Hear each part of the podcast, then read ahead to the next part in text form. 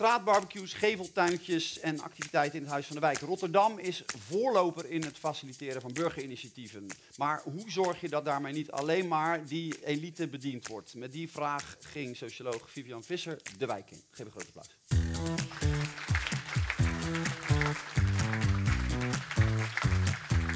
Vivian, goed dat je er bent. Socioloog en bestuurskundig moet ik Yes. zeggen. Hè? Het is een uh, dubbelrol die je ook vandaag hier hebt. Uh, we gaan praten over jouw proefschrift, want dat is het. Je hebt onderzoek gedaan naar burgerparticipatie. Natuurlijk niet alleen maar naar hoe die GroenLinks, D66, uh, PvdA-elite bediend wordt met die initiatieven, maar hoe werkt dat nou eigenlijk, Exact. toch? Ja. Um, voordat we het daarover gaan hebben, wat zijn eigenlijk burgerinitiatieven? Waar moeten we dan aan denken? Ja, ze komen in allerlei vormen en smaken, maar ik denk de meest bekende en waar ik ook naar gekeken heb in het onderzoek zijn die meest laagdrempelige, zoals uh, gezamenlijk het groen uh, onderhouden in je, uh, in je straat of een muziekfestival organiseren voor de buurt waarin verschillende culturen elkaar kunnen leren kennen of um, nou ja, een speeltuin.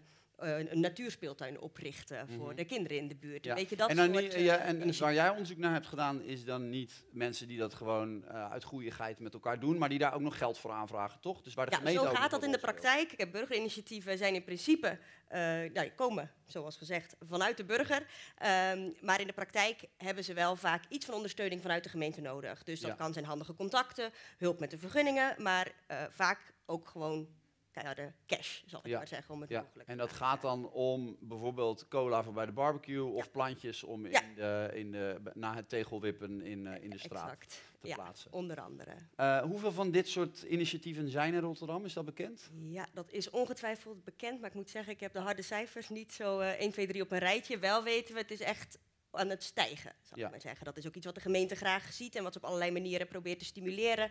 Burgers zelf aan de slag voor hun straat, voor hun wijk, om daar een betere leefomgeving van te maken. Dus je ziet daar eh, nou ja, steeds meer aandacht voor en er zijn ook steeds meer burgers bereid om eh, de handen uit de mouwen te steken. Ja, en jouw onderzoek ging eigenlijk naar die vraag, eh, over, over de vraag, hoe gaat dat nou eigenlijk? Wordt daarmee het doel wat men heeft ook, ook, ook gediend?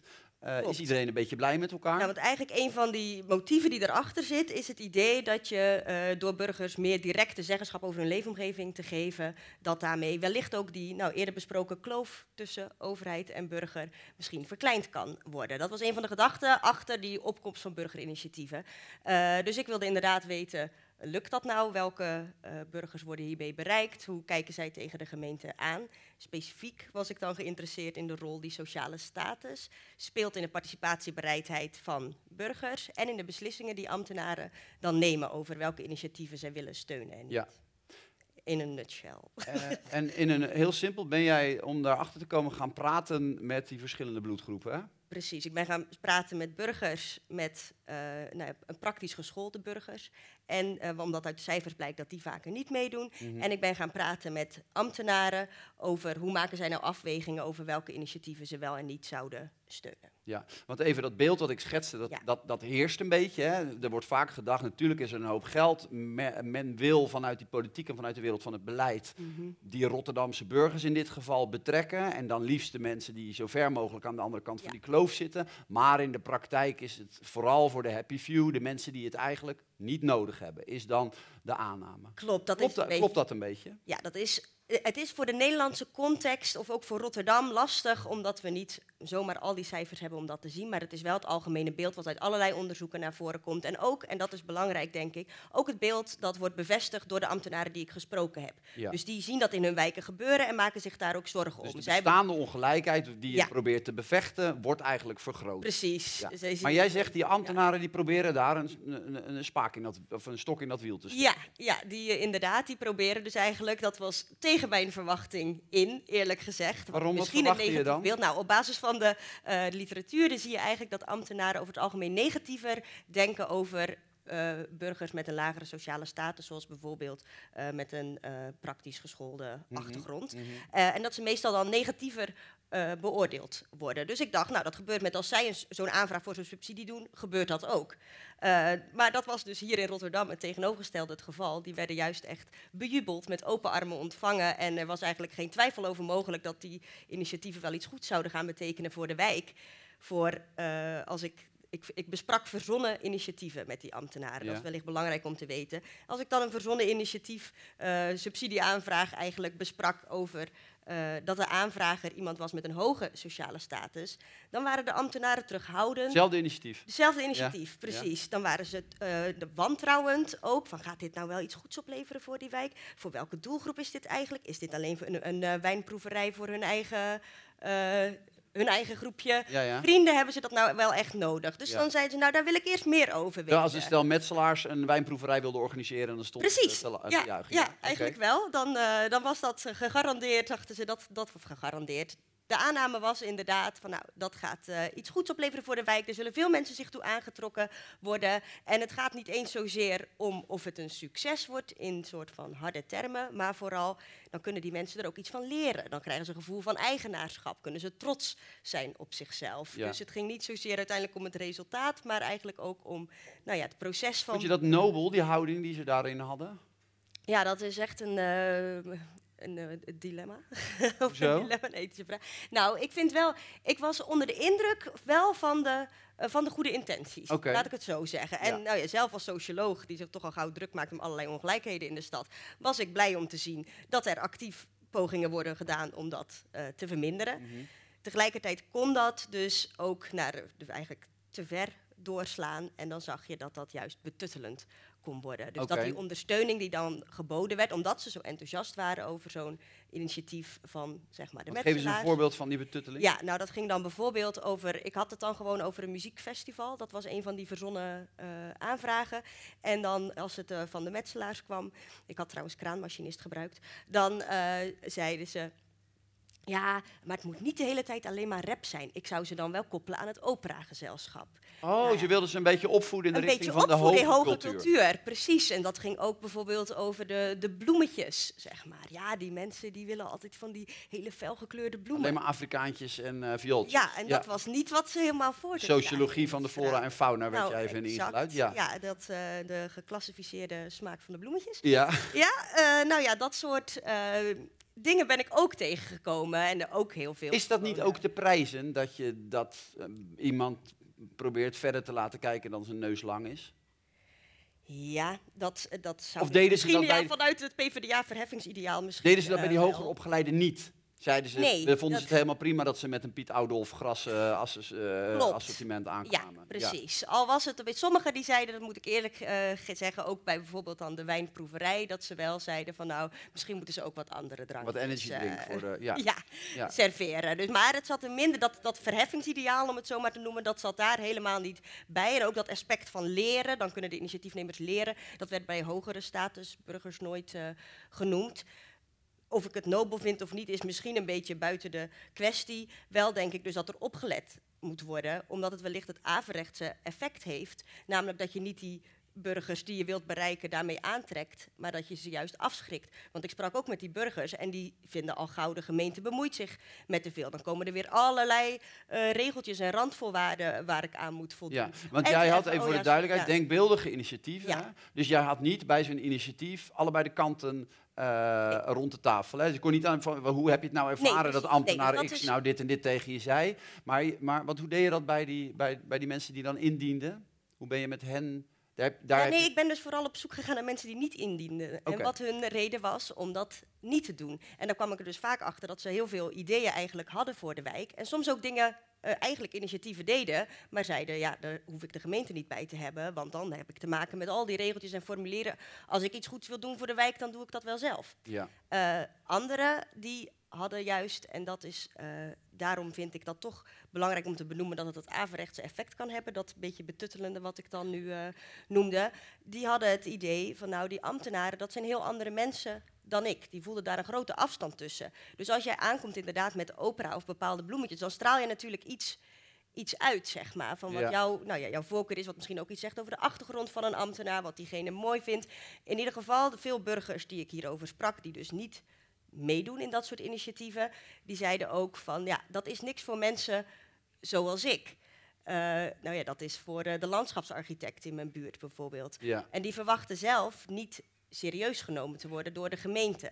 Het schrijnende is misschien dat ze juist met open armen ontvangen zouden worden. Maar Ja. goed, zo komt het niet. Maar wel met allerlei vooroordelen en aannames, Ja. zei het impliciet. Ja, precies. Heb je ook aan ze gevraagd wat er nodig zou zijn eh, om ze wel enthousiast te krijgen voor dit soort dingen? Ja, nou dat heb ik niet eh, direct bij iedereen gevraagd. Wat wel dus naar voren kwam, was natuurlijk de Rotterdamse aanpakkersmentaliteit. En dat dat eigenlijk strookt met hoe de gemeente werkt. Dus dat dat veel meer hands-on eh, kan zijn. Nou weet ik dat daar veel ambtenaren juist ook mee worstelen. Maar goed, zo zit het systeem toch een beetje in elkaar. En je moet natuurlijk aan van alles voldoen. Dus veel meer toch de nadruk op doen dan praten. Maar zo, maar zo moeilijk is het toch niet om, om ergens een paar duizend euro, of laat staan een paar honderd euro vandaan te peuteren voor. Toch? Nee. Ik heb wel eens een Nee, formuliertje. nee, in- het, geld, nee, het geld lospeuteren is eigenlijk het probleem niet. Maar dan Oh. komt bijvoorbeeld, eh, nou ja, oké, wil jij drank schenken op dat eh, die buurtbarbecue die Ja. gaat organiseren, dan moet daar een bepaalde vergunning bij komen. Je wilt een natuurspeeltuin, oké, maar wie is er dan verantwoordelijk als er iemand van die boomstam valt? En nou ja, dan komen we in het hele. eh, waar ook goede redenen achter zitten. Ja. Maar goed, die worden dus wel door ook een aantal burgers eh, als nogal eh, in, tegen, in eh, strijd met hun aanpakkersmentaliteit ervaren. En die Ja. denken, we pakken het wel zelf Heb je dit teruggekoppeld naar die, die ambtenaren die hierover gingen? Nou, eigenlijk niet. Tenminste, daar ben ik nu mee bezig. Ja. Eh, Zijn ze zich hier een Ja. beetje bewust van? Dus dat ze die goede intenties wel hebben, maar dat het ook best wel een beetje badinerend kan zijn als je met bepaalde smaakvoorkeuren gaat. gaat Ja, dat, dat weet ik niet of ze zich daar bewust van zijn. Volgens, ik zie toch wel va- Net zoals dat het lullig vanuit- is van ja, mij dat ik over energy drinken begin als een soort om een beetje te plagen hè, eigenlijk. Nee, maar- precies. Ik denk eerlijk gezegd dat daar nog onvoldoende bewustzijn eh, is. Wel dat er heel veel wordt gewerkt aan dat makkelijker maken, Ja. ik maar zeggen. Omdat het idee is van, nou ja, als we nou gewoon eens met elkaar de handen uit de mouwen kunnen steken, dan zijn we gewoon met elkaar bezig. In plaats van dat we zitten te neuzelen en post-it zitten te plakken, et cetera. En dat daar wel veel, eh, veel aandacht naar uitgaat. Maar eh, nou ja, het is grappig dat je het zegt, want binnenkort eh, heb ik ook een sessie met een aantal ambtenaren. En daar hoop ik dat die aannames zich daar iets meer bewust van. Ja, en dan zit er tijdens een sessie zit er iemand die zegt: Vivian, vertel het nou eens even, want ze willen ook alleen maar weten hoe moeten we dit dan doen. En dan zeg jij: hoe moeten we dit anders doen? Nou, dan kan ik dat niet direct tegen hun zeggen. Dan denk ik eerlijk gezegd dat we al vaak op de goede weg bezig zijn.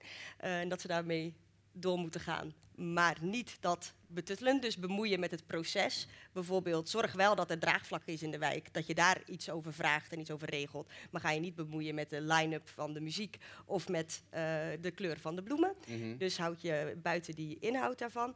Eh, een andere die ik ook wel belangrijk eh, perspectief vind bieden, is om toch meer te werken aan een, wat ze dan noemen, representatieve bureaucratie. Eh, ik weet dat de gemeente daar ook mee aan het werk is, of in ieder geval dat er een actieplan ligt. Maar dat wil zeggen dat de ambtenaren veel meer een afspiegeling vormen van de verschillende sociale groepen in de samenleving. Nu zie je, als er participatie wordt georganiseerd, of jij komt met je initiatief bij iemand die jou verder moet helpen, dan zijn dat toch vaak hoger opgeleide, Mhm. eh, vaak ook wit.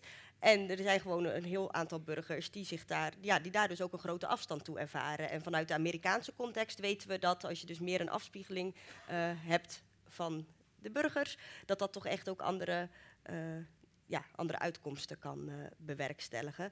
Nog een andere die ik misschien belangrijk vind, ook om te noemen wat in mijn interviews met die praktisch geschoolde burgers eh, veel terugkwam. Dat is nou ja, misschien iets waar we niet direct iets aan kunnen doen. Maar goed, wat wel benoemd werd, was dat verhaal van Rotterdam wil alleen maar hoger opgeleiden Ja. naar de stad trekken. Ja. Eh, dat worden zij de sterke schouders. Zijn wij niet goed genoeg? En dat, dat gevoel, zeg maar, ze hebben echt haarfijn door eigenlijk dat je nou ja, niet goed genoeg bent of ongewenst, eh, niet voldoende, zou ik maar zeggen. Eigenlijk niet voldoend aan het beeld dat Rotterdam als stad ja, van zichzelf presenteert of wat gepresenteerd wordt. En ik denk dat dat was bij in ieder geval een aantal Waar kwam dat ja, bij die mensen vandaan, dat voorbeeld wat je nu... Waar haalden ze dat vandaan? ja, omdat ze de buurt om hun heen zagen veranderen. Oh dat ja. ze zeiden, we krijgen hier allemaal nieuwe eh, buren. Nou ja, ook verschillende mensen die wel bekend waren met eh, acties vanuit het NPRZ-programma. Mhm. Dus dat sterk van, nou, blijkbaar moeten er zoveel miljoenen naar onze wijk, omdat wij nog, eh, nou ja... Dat we nog niet allemaal eh, met, met onze blonde kindertjes op Ja. de bakfiets door de wijk heen Ja. rijden. En, Ja, dat was, nou ja, dat was biologische wel... groentekratjes ja, precies. ophalen. En daardoor, nou ja, dat beeld, dat zat toch best wel diep. En dat maakte ook soms dat het gewoon emotionele interviews waren. En waardoor ze dus het gevoel van, nou, als ik dus mij uitspreek of ik met een idee kom, dan zal dat wel niet zo ja, serieus genomen of gewend zijn. Ja. Want, nou ja, ik ben al eigenlijk een beetje de ongewenste eh, bewoner die blijkbaar ook nog veel moet leren wat het is om een goede Rotterdammer te Ja. zijn. Hey, we hebben het nu eigenlijk over de kloof die ook raakt aan, aan de kloof die we rond de verkiezingen Mhm. eh, eh, veel besproken hebben, gezien Ja. en gehoord. Hè? Eh, kijk jij nou naar, dat, naar- zo'n uitslag vorige week eh, als socioloog? Kijk jij de- eh, eh, eh, optimistisch, constructief, met gelijk allerlei, de- dat je denkt, nou, we, daar komen, we, we slaan die brug wel, of zakte de moed jou in de schoenen vorige week? Nou, dat laatste helaas. Ja, ik had ook echt het idee dat nou ja, als, eh, als, als wetenschap, dat we toch, we vertellen vaak dat die kloof bestaat, maar ik vind dat we nog te weinig weten over hoe we die toch echt eh, zouden kunnen overbruggen. Ja, jij eh, weet het dus ook niet. Ik weet dat ook Nee, niet. Ja, behalve dat ik dus denk, zo'n verhaal als over de stad Rotterdam, dat doet er wel toe. Zeg Ja. maar. Van, oh ja, we gaan eh, werken aan de stad om het aantrekkelijker te maken door hoger opgeleiden aan te trekken. Dat is natuurlijk gewoon echt een dominant verhaal. Zo zullen er nog meer verhalen in de samenleving zijn, waar er toch groepen bewoners of burgers als eh, iets minder uit de bus komen, Ja. zou ik maar zeggen. En dat blijft bij die groep niet onopgemerkt. Dank, Vivian Visser.